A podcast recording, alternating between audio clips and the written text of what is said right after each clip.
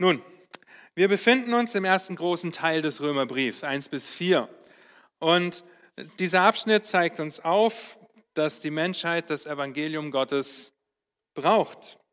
Das Evangelium, das Gott von Anfang an verheißen hat, wie wir in Kapitel 1 ab Vers 1 lesen, das Evangelium von Jesus Christus, dem Nachfahre Davids nach dem Fleisch und dem Sohn Gottes, der seine Gottheit bestätigt durch seine Auferstehung. Der Römerbrief ist ein theologisches Meisterwerk, ja, was wir über die Zeit noch immer weiter feststellen werden, der das Evangelium erklärt, der es darlegt, der es aufzeigt und in diesen ersten Kapiteln finden wir den Rahmen dafür, warum das Evangelium nötig ist und auch was das Evangelium auf, ausmacht. Ja, und Paulus zeigt die schlechte Nachricht, wenn ihr so wollt, dass jeder absolut verloren ist und den Zorn und das gerechte Gericht Gottes verdient hat. Sowohl die Menschen, die offensichtlich unmoralisch leben, indem sie nicht zuletzt ihre Sexualität verdrehen, als auch die Menschen, die moralisch leben, die richtend auf diese unmoralischen Menschen herabblicken. Wenn es bei Gott kein Ansehen der Person gibt, wie wir letzte Woche gesehen haben, dann ist jeder, der nicht an das Evangelium Gottes glaubt, durch das Evangelium gerichtet. Und heute kommen wir zu einem Text, der die falschen Ideen und die falschen Vorstellungen von Sicherheit zum Ausdruck bringt.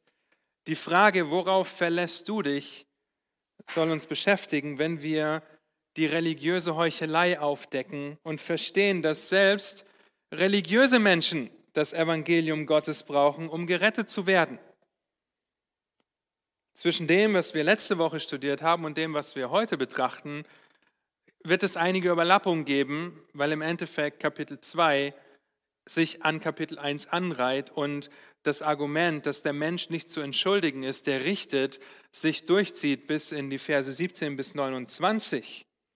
Ja, und es wird auch Überlappungen geben, weil der religiöse Mensch durchaus moralisch sein kann und der moralische Mensch auch durchaus religiös. Es gibt aber durchaus Menschen, die religiös sind, aber absolut unmoralisch leben, weil sie durch ihre Religion die Unmoral aus Kapitel 1 rechtfertigen. Ja, und genauso gibt es Menschen, die absolut moralisch sind, aber absolut nicht religiös. Die sagen, ja, man muss Gutes tun, aber an Gott glaube ich nicht. Nun, der vor uns liegende Text ist ein überführender Todesschlag für jeden religiösen Menschen. Ja, weil er die Eigenschaften, den Beweis, die Konsequenz und die Oberflächlichkeit der Heuchelei aufdeckt. Und bevor wir diesen Text gemeinsam lesen, möchte ich beten. Und dann wollen wir uns die Frage stellen, kann es sein, dass ich ein Heuchler bin? Worauf verlasse ich mich? Lass mich beten. Herr, und wir treten vor dich und wir kommen vor dich, weil wir wissen, dass wir in absoluter Abhängigkeit zu dir leben, in absoluter Abhängigkeit zu dir sind. Und so bete ich, dass du dein Wort gebrauchst heute Abend, um uns zu überführen, um uns zu ermahnen, um uns zu prüfen, Herr, ob wir uns auf etwas anderes verlassen als auf dich. Gebrauch du mich, um deine Worte zu verkünden, aber lass dein Wort sprechen, Herr. Amen. Römer Kapitel 2, ab Vers 17.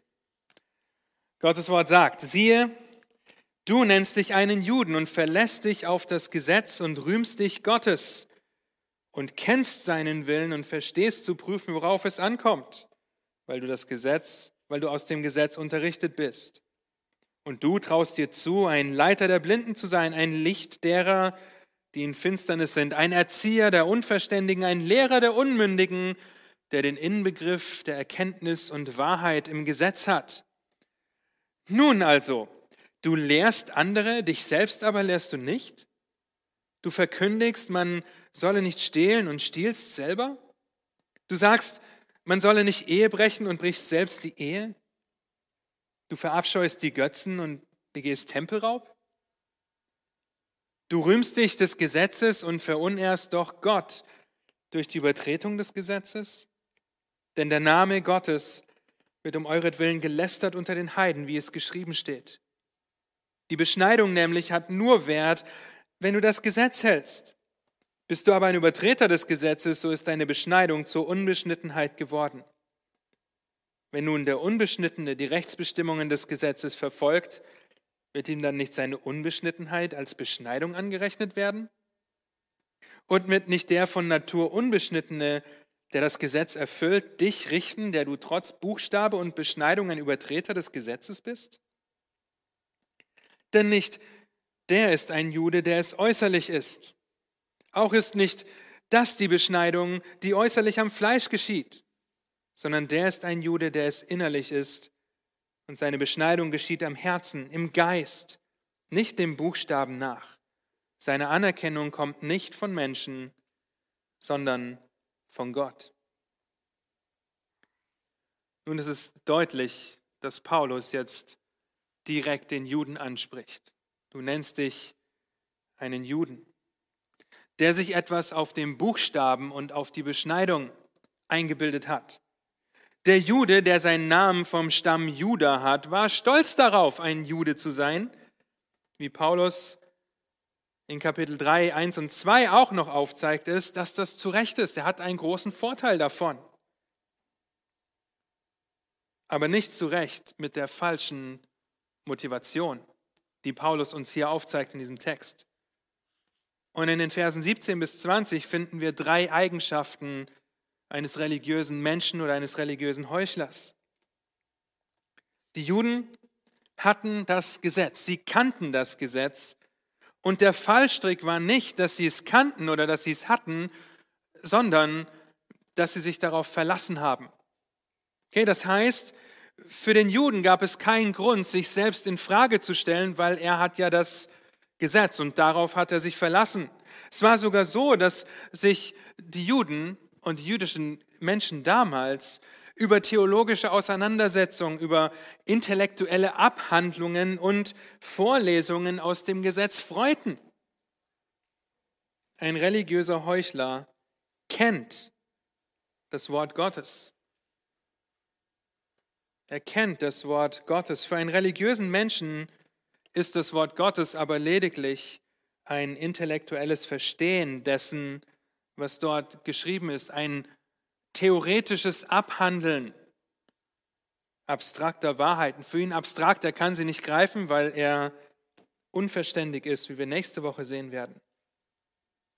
Aber eben nur theoretisch und es kommt nie zur Anwendung, zur Überführung oder zur Veränderung in seinem eigenen Leben. Die Juden haben also das Gesetz Gottes genommen, etwas Gutes, ja, und es zu ihrem Erlösungswerk gemacht. Sie haben gesagt, wer das Gesetz einhält, der ist gerecht. Und schon fängt man an, nach außen hin gerecht versuchen zu leben. Aber nicht, dass der Inhalt des Gesetzes verkehrt wäre. Ja, wir lieben das Wort Gottes und wir lieben vor allem auch das Alte Testament. Der Inhalt ist nicht verkehrt, aber die Anwendung, dass das Gesetz Leben bringen würde oder könne, die ist falsch. Aber darauf hat sich der Jude der damaligen Zeit verlassen. Und wenn du dich, wenn sich der Jude nur darauf verlassen hat, dann wird das letztendlich zum Tod führen, weil vor dem Gesetz oder durch das Gesetz alle schuldig vor Gott stehen. Aber wie erkennen wir Heuchelei in unserem Leben? Und ich, ich verstehe, dass wir heute hier sitzen oder ich hier stehe ja, und dass wir wahrscheinlich denken, oh, ich bin echt ein Heuchler in dem einen oder anderen Bereich. Nun, wir können als Heuchler entlarvt werden, dann können wir Buße tun, aber wir können uns auch als Heuchler fühlen, weil wir ganz genau wissen, wir schaffen das nicht, eins zu eins das umzusetzen, was unser Herr von uns möchte, aber wir stellen uns in seine Abhängigkeit und so werden wir hoffentlich überführt. Aber wie erkenne ich, dass ich Heuchelei in meinem Leben habe? Nun, indem wir schauen, wo wir die Wahrheit kennen, ohne dass sie unser Leben beeinflusst. Ja, wenn ich die Wahrheit kenne, ohne dass sie mein Leben beeinflusst, dann tue ich es dem Juden gleich, der den Willen Gottes kennt, in Vers 18, aber ihn nicht tut. Unsere Predigt wird sehr persönlich, weil wir alle in der Gefahr stehen, uns als uns der Heuchelei schuldig zu machen, nach wie vor.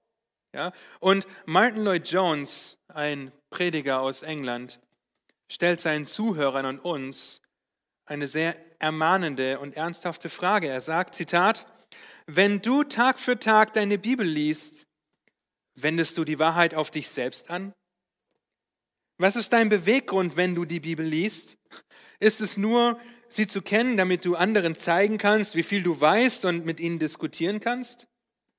Oder wendest du die Wahrheit auf dich selbst an? Wenn du liest, sagst du dir, das bin ich. Was sagt das Wort Gottes? Was sagt die Bibel über mich aus? Erlaube es der Heiligen Schrift, dich zu erforschen, sonst kann es sehr gefährlich werden. Je mehr du von Gottes Wort weißt, desto gefährlicher wird es für dich, wenn du es nicht auf dich selbst anwendest. Sie kennen das Wort Gottes. Als zweites sind religiöse Heuchler von sich selbst überzeugt. Paulus macht das deutlich, indem er schreibt, sie können prüfen und sie trauen sich zu, zu leiten. Wir sehen, wie Paulus ganz geschickt aufzeigt, was die Vorrechte eines Juden sind. Sie sollen leiten. Sie sollen ein Licht sein. Sie sollen Erzieher und Lehrer sein. Absolut klar, weil Gott sich ein Volk auserwählt hat, das ihn repräsentieren soll, das ein Zeuge für Gott sein soll, auf Gott hinweisen soll. Aber die Juden haben das genommen und haben sich selbst was darauf eingebildet, haben sich erhoben. Und deshalb nennt Jesus sie auch Blinde, die die Blinden anleiten. Sie hatten den Sinn und den Zweck lange aus den Augen verloren und waren so sehr von sich selbst überzeugt, dass es keinen Raum für Demut gab. Ja, sie waren so sehr von sich selbst überzeugt, dass Jesus in Lukas 18 ein Gleichnis über sie sagt. Lukas 18 ab Vers 10, da heißt es, es gingen zwei Menschen hinauf in den Tempel, um zu beten. Der eine ein Pharisäer, also ein Jude, der andere ein Zöllner. Der Pharisäer stellte sich hin und betete bei sich selbst so, Oh Gott, ich danke dir, dass ich nicht bin wie die übrigen Menschen, Räuber, ungerechte Ehebrecher oder auch wie dieser Zöllner da. Ich faste zweimal in der Woche und gebe den Zehnten von allem, was ich einnehme. Und der Zöllner stand von ferne, wagte es nicht einmal, seine Augen zum Himmel zu heben, sondern schlug an seine Brust und sprach, O Gott, sei mir Sünder gnädig. Ich sage euch, dieser ging gerechtfertigt in sein Haus hinab, im Gegensatz zu jenem. Denn jeder, der sich selbst erhöht, wird erniedrigt werden. Wer sich aber selbst erniedrigt, der wird erhöht werden. Meine Lieben, der selbstgerechte Heuchler, der religiöse Mensch, der wird sich immer mit anderen vergleichen, immer der Überzeugung sein, dass wenn nur alle so wären wie er selbst, dann gäbe es keine Probleme. Dann würde es keine Probleme mehr geben, weil dann seid ihr ja alle so gut wie ich. Die anderen sind schuld an den Umständen, an den Situationen und Beziehungen. Sie, die religiösen Menschen, brauchen keine Veränderung. Sie, sind korrekt und verlassen sich auf das, was sie meinen zu sein und was sie meinen, was richtig ist. Sie, sie prüfen sich selbst nie oder überlegen, ob es an ihnen liegen könnte, dass ein Streit entsteht, dass sie wütend werden oder Zwietracht zutage gefördert wird. Nein, sie sind nicht schuld, es sind immer die anderen und es gibt keinen Grund, bei sich selbst zu suchen. Sie sagen, sie sind Licht, Leiter, Erzieher und Lehrer. Und es sind harte Fragen, die gleich noch kommen und auch derer wir uns stellen müssen. Und bis jetzt ist wahrscheinlich tatsächlich Römer 2, Vers 17 bis 29 der Text, der mich am meisten überführt und gedemütigt hat in dem kurzen Studium, das wir im Römerbrief schon hinter uns haben. Und so ist es weder gemein oder unsensibel, darüber zu reden. Denn wenn uns, denn wenn Gottes Wort uns, dich und mich der Heuchelei überführt, dann führt uns das zur Buße. Ist das nicht Wunderbar. Und wenn du heute hier sitzt, ob im Livestream oder das nachhörst oder hier vor Ort dabei bist, und wenn du dich jetzt schon in ein oder zwei dieser beiden Eigenschaften wiederfindest, dann tue Buße. Das ist die ernsthafte Warnung, aus dem brennenden Haus zu rennen. Oder bist du so sehr von dir selbst überzeugt, dass du weißt, was die anderen denken, dass du weißt, was ihre Absicht oder ihre Motivation ist, dass du weißt, was sie tun sollten oder wie sie es dir recht machen müssen, damit du in deiner Überzeugung, in deiner Wahrheit bestätigt und zufrieden bist. Wenn das so ist, dann prüfe dich dann bist du ein religiöser Mensch, der nur auf den Splitter im Auge des anderen schaut. Der aber so sehr von sich selbst und seiner eigenen Meinung überzeugt ist, dass er einen Balken im eigenen Auge für unmöglich hält. Das kann nicht sein, dass irgendwas an mir liegt. Eng damit geht einher, dass sich religiöse Heuchler überheben die nicht nur überzeugt von sich selbst, sie überheben sich, sie bilden sich etwas ein. Ja, du sagst, du bist ein Leiter, ein Licht, ein Erzieher. Aber gleich zeigt Paulus auf, dass sie blinde Leiter der Blinden sind, dass sie ein finsteres Licht, das nicht leuchtet in der Finsternis sind, dass sie als unverständige Erzieher die Unverständigen versuchen zu erziehen und als Unmündige versuchen Lehrer zu sein. Sie bilden sich etwas ein. Sie überheben sich, anstatt sich selbst prüfen zu lassen. Weil sie sich auf etwas Falsches verlassen. Weil sie sich auf etwas Falsches verlassen, haben sie etwas Gutes genommen und das zu ihrem Gott gemacht, den sie anbeten. Sie beten das Gesetz an und sie erfüllen ja auch das Gesetz. Ja, Paulus war davon überzeugt, bevor er zum Glauben kam, dass er für Gott geeifert hat und dass er alles, was das Gesetz gesagt hat, erfüllt hat, bevor er jetzt einen Römerbrief schreibt und das Gegenteil deutlich macht. Religiöse Heuchler stellen sich ins Rampenlicht, um die Ehre zu bekommen. Ob in der Familie oder in der Öffentlichkeit. Wisst ihr, was Jesus über diese Überheblichkeit sagt in Lukas 16, Vers 15? Da heißt es, und er sprach zu den Pharisäern, ihr seid es, die sich selbst rechtfertigen vor Menschen, aber Gott kennt eure Herzen. Denn was bei den Menschen hoch angesehen ist, das ist ein Gräuel von Gott, vor Gott. Und jetzt dürft ihr mir zuhören. Es ist jetzt einfach zu sagen, ja, der Jude, der sich auf das Gesetz verlassen hat, die waren religiöse Heuchler, aber wir, wir wissen doch, dass das Gesetz auf Christus hinweist. Wir verlassen uns doch nicht darauf. Aber die Frage ist, worauf verlässt du dich? Und ein Kommentator hat den überführenden Vorschlag gemacht, diesen Text einmal umzuschreiben. Nicht, dass er dadurch Gottes Wort wird, ja, aber er überführt uns und er zeigt uns auf, wie schnell wir uns hierin wiederfinden. Und er schreibt, Zitat, Du nennst dich einen wiedergeborenen Christen und bist sicher, dass du mit Gott im Reinen bist, weil du irgendwann eine Karte unterschrieben hast. Oder weil du mal nach vorne zum Kreuz gegangen bist. Oder weil du ein Gebet gesprochen hast und in diesem Moment unter Tränen ergriffen warst. Du erinnerst dich, dass du starke Gefühle für Gott hattest und meinst, dich an diesem Abend bekehrt zu haben. Du kennst die Antwort auf eine große Anzahl von Fragen, und du hast andere schon zum Herrn geführt. Nun, das sind nennenswerte Dinge, wenn sie von Herzen und im Vertrauen auf den Herrn geschehen. Sobald du dich aber darauf verlässt, bist du wie ein Jude, der sich auf das Gesetz verlässt. Und deshalb erlaube es dem Wort Gottes, dich zu prüfen und zu überführen weil dein Herz ist überaus trügerisch. Auf der anderen Seite sei angemerkt, dass wir niemals perfekt sein werden auf dieser Seite der Ewigkeit. und dass sich deshalb jeder als Heuchler entlarvt fühlen kann und auch wird.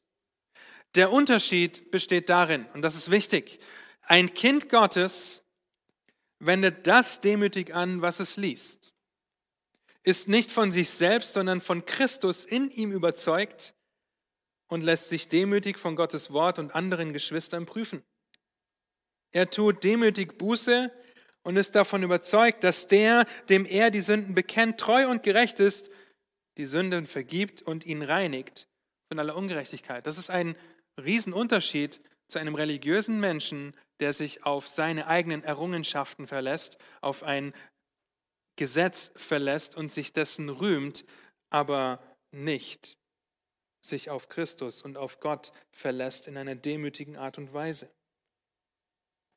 Im nächsten Abschnitt stellt Paulus vier beziehungsweise fünf theoretische Fragen, um den religiösen Menschen, in, im Fall des Römerbriefs den Juden, seiner hochnäsigen Behauptungen der ersten Verse zu überführen.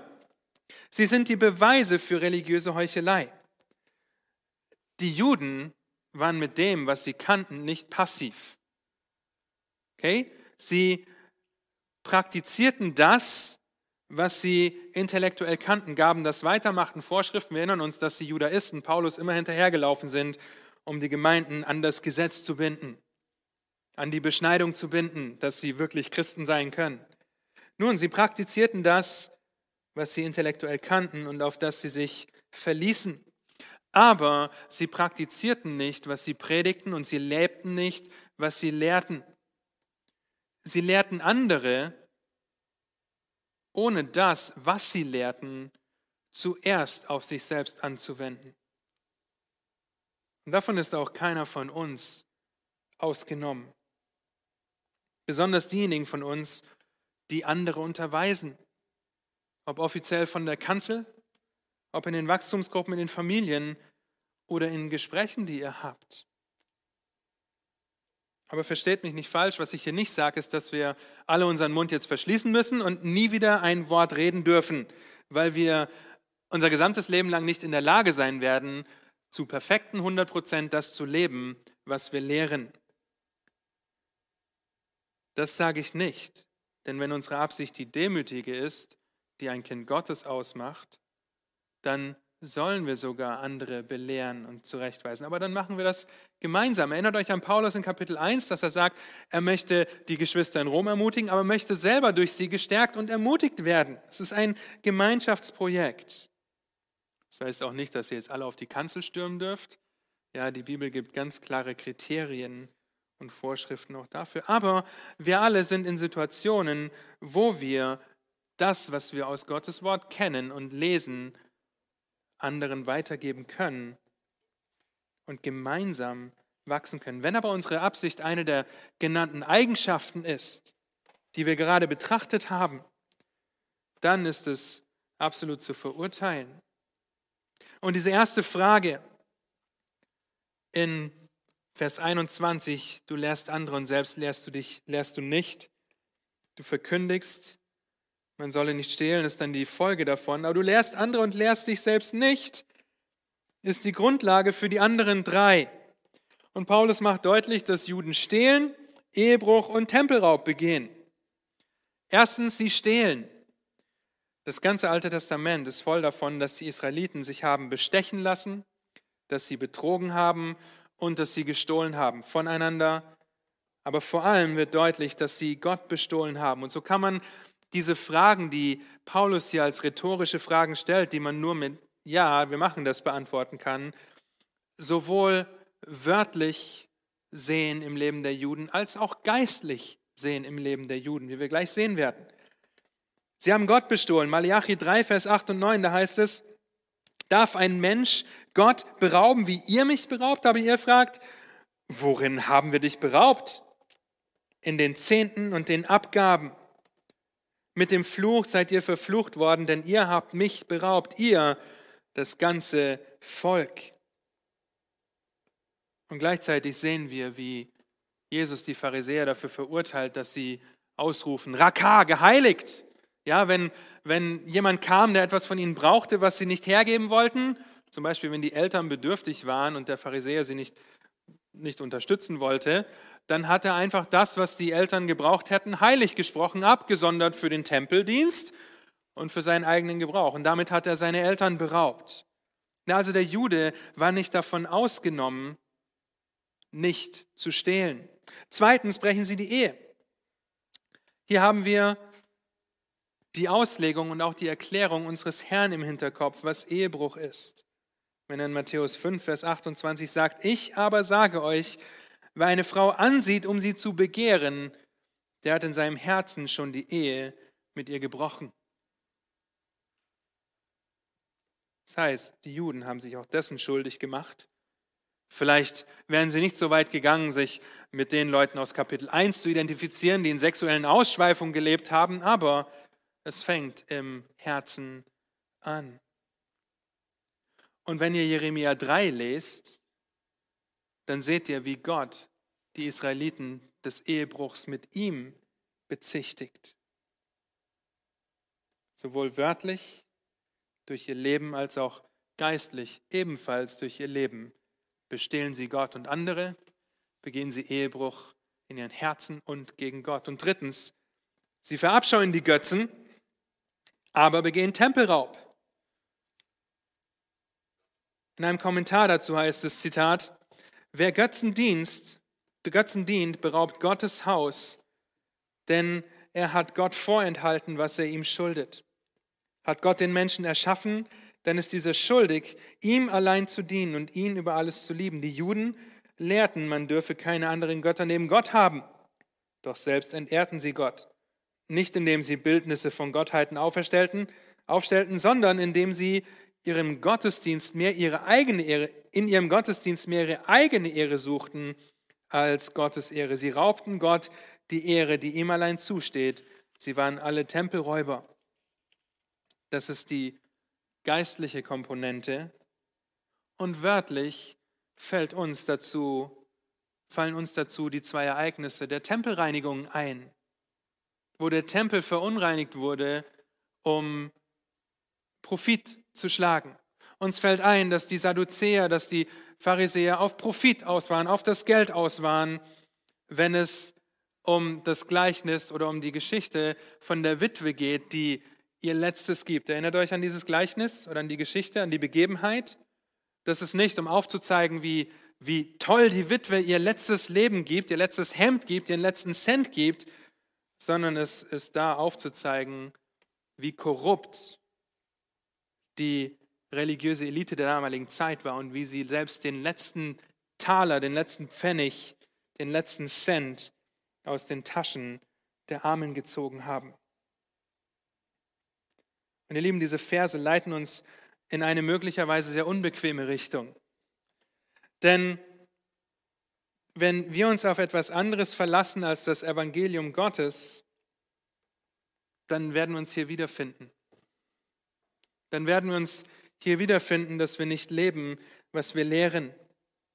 Dass wir nicht in einer demütigen Art und Weise danach streben, das zu leben, was wir lernen. Zwangsläufig werden wir dann uns auf irgendetwas anderes verlassen und einen anderen Sinn im Leben haben. Macht, Komfort, Kontrolle, Anerkennung, Liebe, Besitz, Vergnügen oder Spaß können zu Götzen werden und das macht uns zu Götzendienern. Selbst wenn wir die offensichtlichen Statuen verabscheuen und uns keine Buddha-Statue in die Wohnung stellen, die uns Ruhe gibt oder Ruhe geben soll. Nein, wir nehmen etwas aus der Welt und klatschen vielleicht sogar das Label christlich da drauf, um unseren Götzendienst, unseren Tempelraub zu rechtfertigen. Hier sind zwei ernüchternde Wahrheiten für uns. Erstens, religiöse Menschen lieben, das, lieben Konzepte der Wahrheit, aber lassen sich nicht von ihnen verändern. Ein religiöser Heuchler sieht schnell und oft, wie eine Predigt oder ein Bibeltext einen anderen überführen sollte.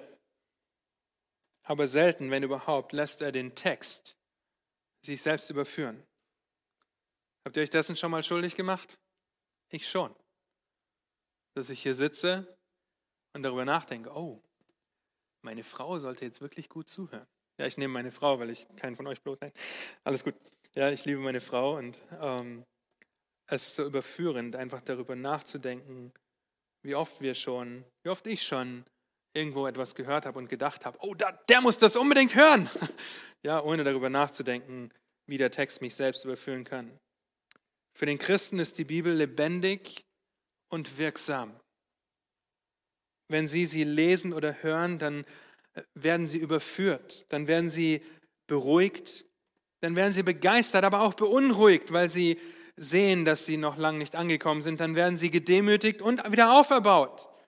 Das ist das, was die Schrift mit uns macht. Sie, sie demütigt uns, gerade wenn wir diesen Abschnitt anschauen. Und gerade wenn wir die nächste Woche sehen werden, dass jeder vor dem Gesetz schuldig ist. Aber sie baut uns auf, wenn wir übernächste Woche uns mit dem Evangelium beschäftigen, mit der Rechtfertigung durch Gott. Nun, wir werden auferbaut durch die Schrift, gedemütigt auferbaut und Dazu gehört auch das Wissen um die eigene Sünde. Deswegen befinden wir uns in einem so düsteren Abschnitt im Römerbrief. Aber dazu gehört auch die Freude an der Realität des Evangeliums im eigenen Leben. Und zweitens, der religiöse Heuchler oder Mensch prahlt damit, dass er moralisch überlegen ist. Ja, wenn du dich auf deine christlichen Errungenschaften verlässt, dann fängt er an, auf diejenigen herabzusehen, die in den gleichen Bereichen vielleicht noch nicht so toll sind wie er. Als religiöser Mensch wirst du bestenfalls kaltherzig und schlimmstenfalls, schlimmstenfalls verurteilend auf diejenigen herabblicken, die Probleme haben. Ihr könnt zurück zu Römer 2, Vers 1 gehen. Er schaut herab, um zu richten. Anstatt den bemühten Geschwistern Worte der Ermutigung zu sagen, ihnen zu helfen, sie aufzurichten, lästert der religiöse Mensch über sie, um sich in einem vergleichsweise guten Licht darzustellen. Ein Zeichen für diesen Zustand kann sein, dass andere ihm ihre Probleme nicht sagen, nicht sagen wollen, weil sie Angst haben, was er damit macht. Und ein anderes Zeichen kann sein, dass du eine verteidigende Abwehrhaltung einnimmst, wenn andere dich auf deine Probleme ansprechen. Weil du musst ja diese Überlegenheit an den Tag legen.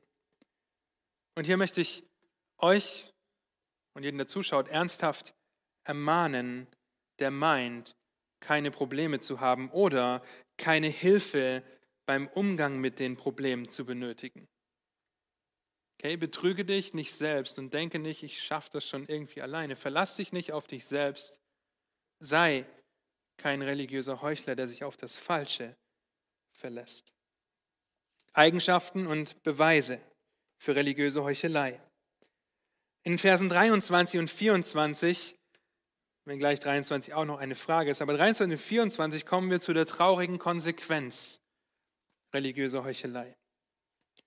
Denn wenn Gott alles zu seiner Ehre gemacht hat, zu seiner Freude gemacht hat, dann schuldet alles den Juden in unserem Abschnitt eingeschlossen, Gott die Ehre.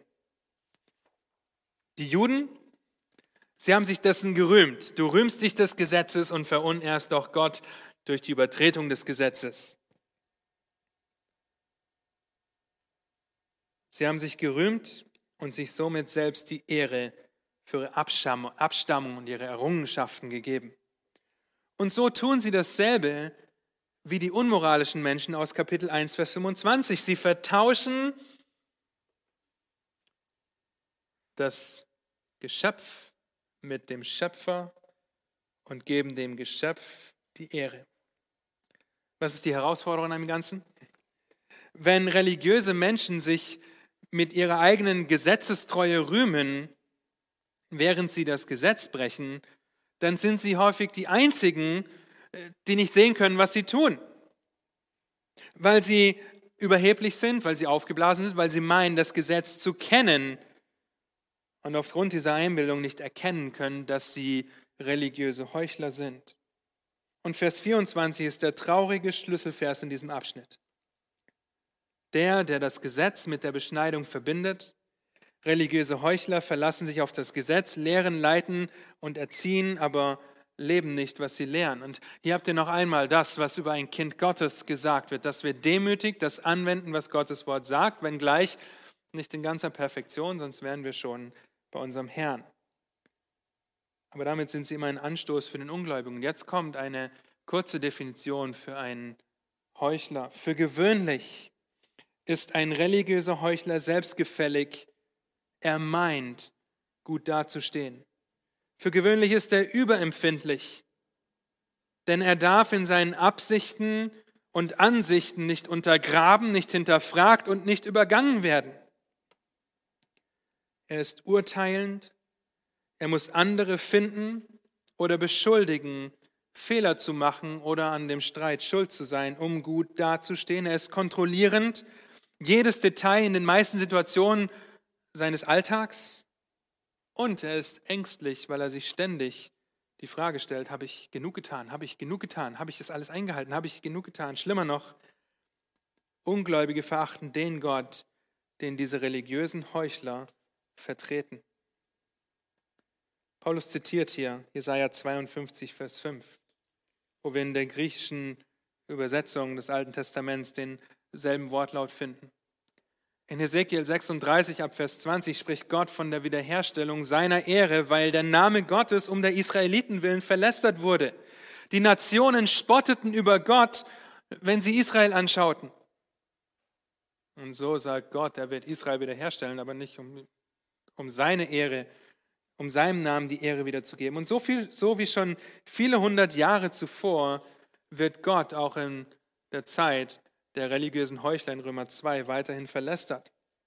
Ein Kommentator schreibt dazu, Zitat, Paulus schreibt die Ursache der Gotteslästerung dem ungehorsamen Leben seiner Leute zu. Vielleicht will Paulus dem Leser die Ironie vor Augen führen, dass die Verantwortung für die Entehrung des Namens Gottes von den Heiden auf das Volk Israel verlagert wurde. Durch ihr Verhalten verunehren sie Gott. Wie sieht das in deinem Leben aus? Wir müssen uns dieselbe Frage stellen. Ist unsere Gemeinde, sind wir als Einzelne anziehend oder abstoßend? Ist unsere Demut, unsere Freude in schweren Zeiten, unsere Geduld unter Druck und so weiter offensichtlich? Ein offensichtliches Zeugnis für andere? Und ich finde den Vergleich gut, den ein Kommentator zieht. Er sagt, Leben wir als Aushängeschild für Gott oder als betreten verboten? Schild.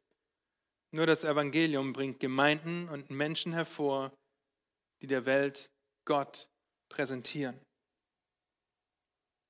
Ihr Lieben, häufig machen wir den Fehler zu meinen, mehr evangelisieren zu müssen. Ich bin dafür, auf jeden Fall um Leute in die Gemeinde zu kriegen. Und so überlegen wir uns Strategien, Traktate, Einsätze, nur um festzustellen, dass es nicht den gewünschten Erfolg bringt.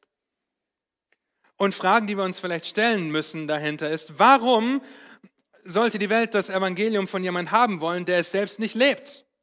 Warum sollten die Menschen das wollen, was du hast, wenn du selbst nicht begeistert von dem bist, was du hast? Warum sollten die Menschen das wollen, was du sagst, und ihr Leben verändern wollen, wenn du dein Leben nicht veränderst? Warum sollen sie deinen Jesus wollen, wenn dein Jesus genauso aussieht wie ihr Leben? Sie würden es nicht wollen. Warum auch? Die Menschen außerhalb der Gemeinde sind häufig außerhalb, weil sie uns anschauen und denken, was ist der Sinn? Was ist der Sinn dessen, da dabei zu sein? Schaut euch diese Christen an. Dieser Christus und sie nehmen Anstoß daran. Ich weiß, dass sie nicht nach Gott fragen, wie wir nächste Woche sehen werden, aber hier ganz deutlich, die Juden waren ein Anstoß für die Ungläubigen, nach Gott zu fragen. Mehr noch, sie geben Anstoß zum Lästern. Und die Frage ist, was kennen die Nachbarn von deinem Zeugnis innerhalb deiner eigenen vier Wände? Weil das christliche Leben ist nicht nur Sonntag hier und Mittwoch hier und Freitag oder Donnerstag in den Wachstumsgruppen und dann noch privat. Ja, da kann ich machen, was ich will. Das Christenleben ist nicht so. Wenn wir das Licht sein sollen, was die Juden sein sollten, wenn wir das Salz der Welt sein sollen, dann muss das unser ganzes Leben 24 Stunden am Tag, sieben Tage die Woche in Anspruch nehmen, ausmachen. Kann es sein, dass du mit deinen Nachbarn und Kollegen nie über den Glauben sprichst oder sie dir nicht zuhören, weil du durch deinen Streit mit deinem Ehepartner oder das Anschreien deiner Kinder oder die griesgrämige Einstellung bei der Arbeit einen Anstoß dafür gegeben hast, dass der Name Christi verlästert wird? Das sind überführende Fragen. Ich habe noch zwei Minuten für einen ganzen Punkt. Religiöse Heuchelei ist eine schwerwiegende und ernstzunehmende Sache. Die Eigenschaften und Beweise dafür sind so gravierend, dass die Konsequenz absolut nichts ist, was wir uns wünschen sollten. Aber religiöse Heuchler sind auch noch oberflächlich. Und so kommen wir zu der letzten Bastion der Juden, die Beschneidung. Das, was Paulus jetzt macht, ist, er nimmt dem Juden den letzten Boden unter den Füßen weg, der jetzt vielleicht meint, okay, wenn ich mich schon nicht auf das Gesetz verlassen soll, dann wenigstens auf die Beschneidung, weil Abraham ist größer als Mose, die Beschneidung ist älter als das Gesetz. Aber Paulus zeigt die oberflächliche Argumentation dieser religiösen Menschen auf und zerstört diese Bastion, die Beschneidung. Ein Kommentator sagt zur Beschneidung, Zitat, die körperliche Beschneidung ist nur so lange wertvoll, wie sie mit dem Gehorsam gegenüber dem ganzen Gesetz Mose einhergeht. Wenn nicht alle Aspekte des Gesetzes praktiziert werden, ist der Wert der Beschneidung aufgehoben. Paulus begründete seine Haltung später damit, dass Abraham Glauben hatte und Gott gehorchte, bevor er beschnitten war. Sein Glaube sei nicht von der Beschneidung abhängig. Das werden wir in drei Wochen in Römer Kapitel 4 sehen. Das heißt, wenn der Jude nicht ganz genau das Gesetz eingehalten hat, auf das er sich so verlassen hat, dann war seine Beschneidung zur Unbeschnittenheit geworden. Und hypothetisch stellt Paulus im Gegenzug fest, dass derjenige, der das Gesetz völlig einhalten würde, diese Person gibt es nicht, aber hypothetisch, und unbeschnitten ist, als beschnittener bezeichnet wird. Paulus lehnt sich sogar so weit aus dem Fenster und sagt, dass diejenigen, die beschnittenen Juden richten werden. Versetzt euch nur mal in die Lage eines religiösen Juden, eines stolzen Juden, der sich auf den Buchstaben und die Beschneidung verlassen hat. Ich soll von einem Unbeschnittenen gerichtet werden. Was ist jetzt los? Die Beschneidung war ein Symbol, ein sichtbares Zeichen der Strafe für den Bundesbruch.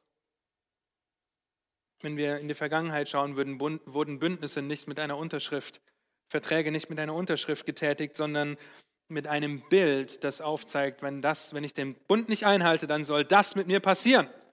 Wir erinnern uns zum Beispiel an Abraham und Gott in 1. Mose 15, als Gott, als Abraham die Tiere teilt und einen Weg baut und dann ein tiefer Schlaf auf ihn kommt und Gott einseitig diesen Bund schließt, weil damit gesagt wird, sollte ich den Bund nicht einhalten können, soll es mir so gehen wie den Tieren, ich soll zerteilt werden.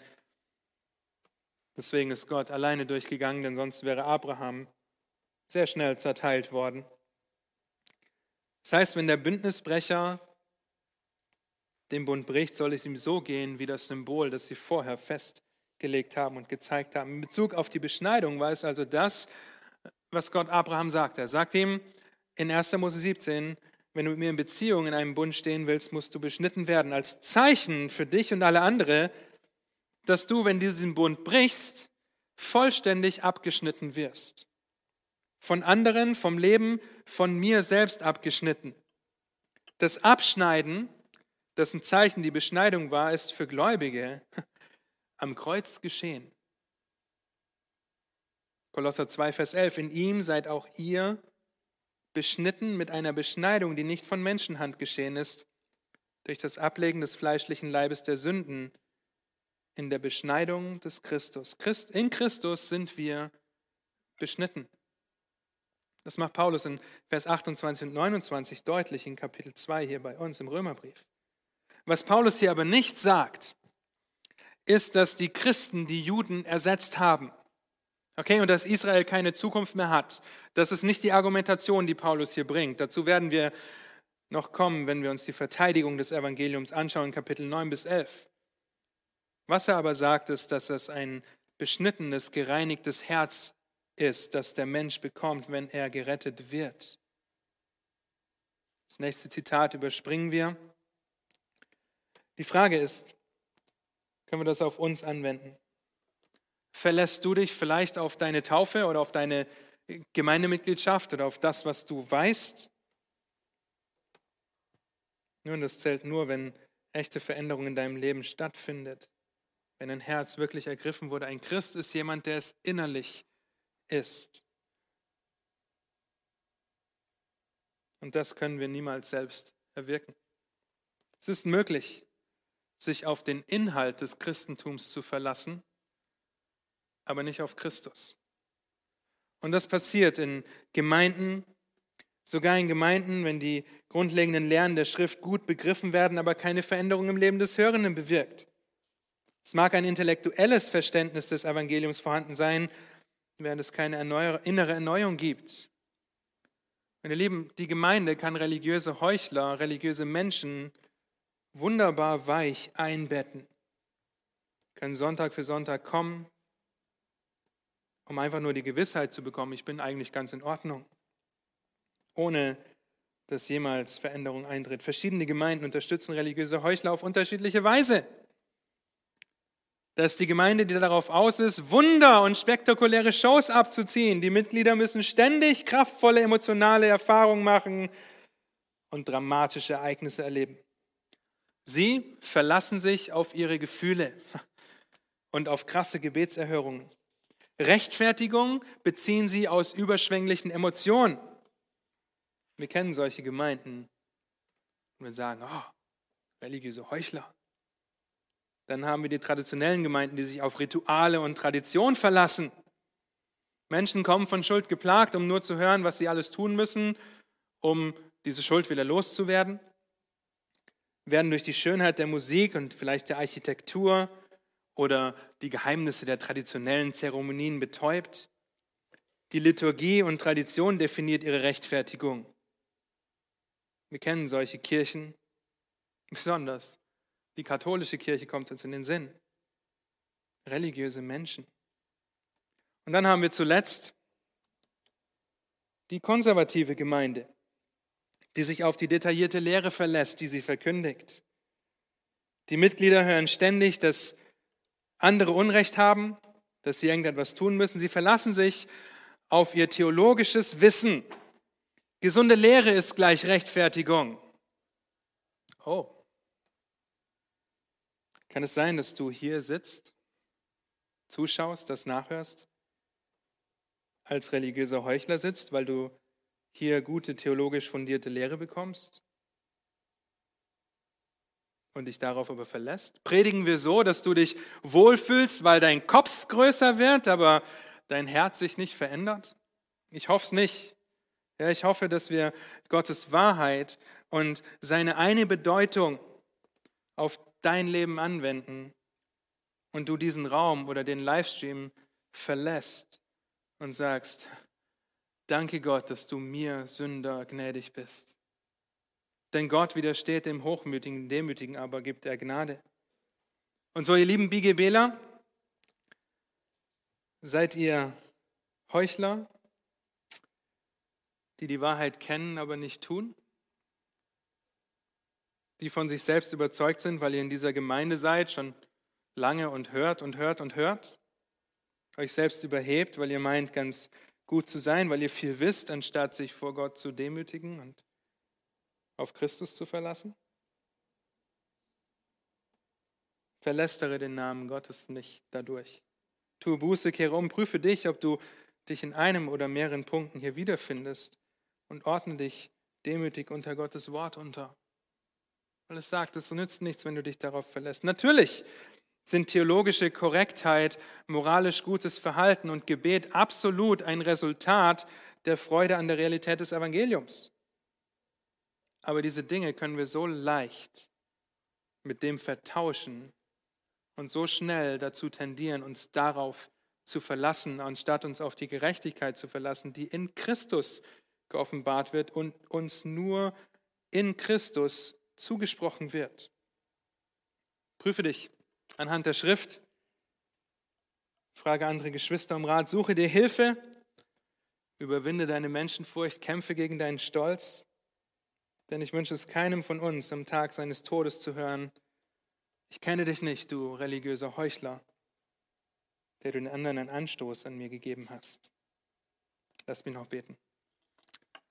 Herr, habt du Dank für dein Wort. Habt du Dank, dass es überführt. Dank, dass es uns durchdringt, weil es lebendig ist, weil es wirksam ist. Und so bete ich, dass du uns überführst, da wo wir uns der Heuchelei schuldig machen, obwohl wir deine Kinder sind, da wo wir das Evangelium vielleicht noch nicht verstanden haben ja, wo es Geschwister, Menschen gibt, die hier zuschauen, die dich noch nicht kennen. Ich bete, dass du Gnade schenkst und dein Wort gebrauchst, um zu überführen, um zu reinigen, um uns wachsen zu lassen und dass wir es nicht dazu gebrauchen, unseren Kopf größer zu machen oder darüber nachzudenken, wer diese Predigt aus Römer Kapitel 2, Vers 17 bis 29 jetzt unbedingt hören muss, sondern dass wir prüfen, was hat das mit mir zu tun. Und so bete ich, sei mir Sünder gnädig, zeige mir, wo ich mich der Heuchelei schuldig mache. Und hilf uns, dir die Ehre zu geben, Herr. Amen.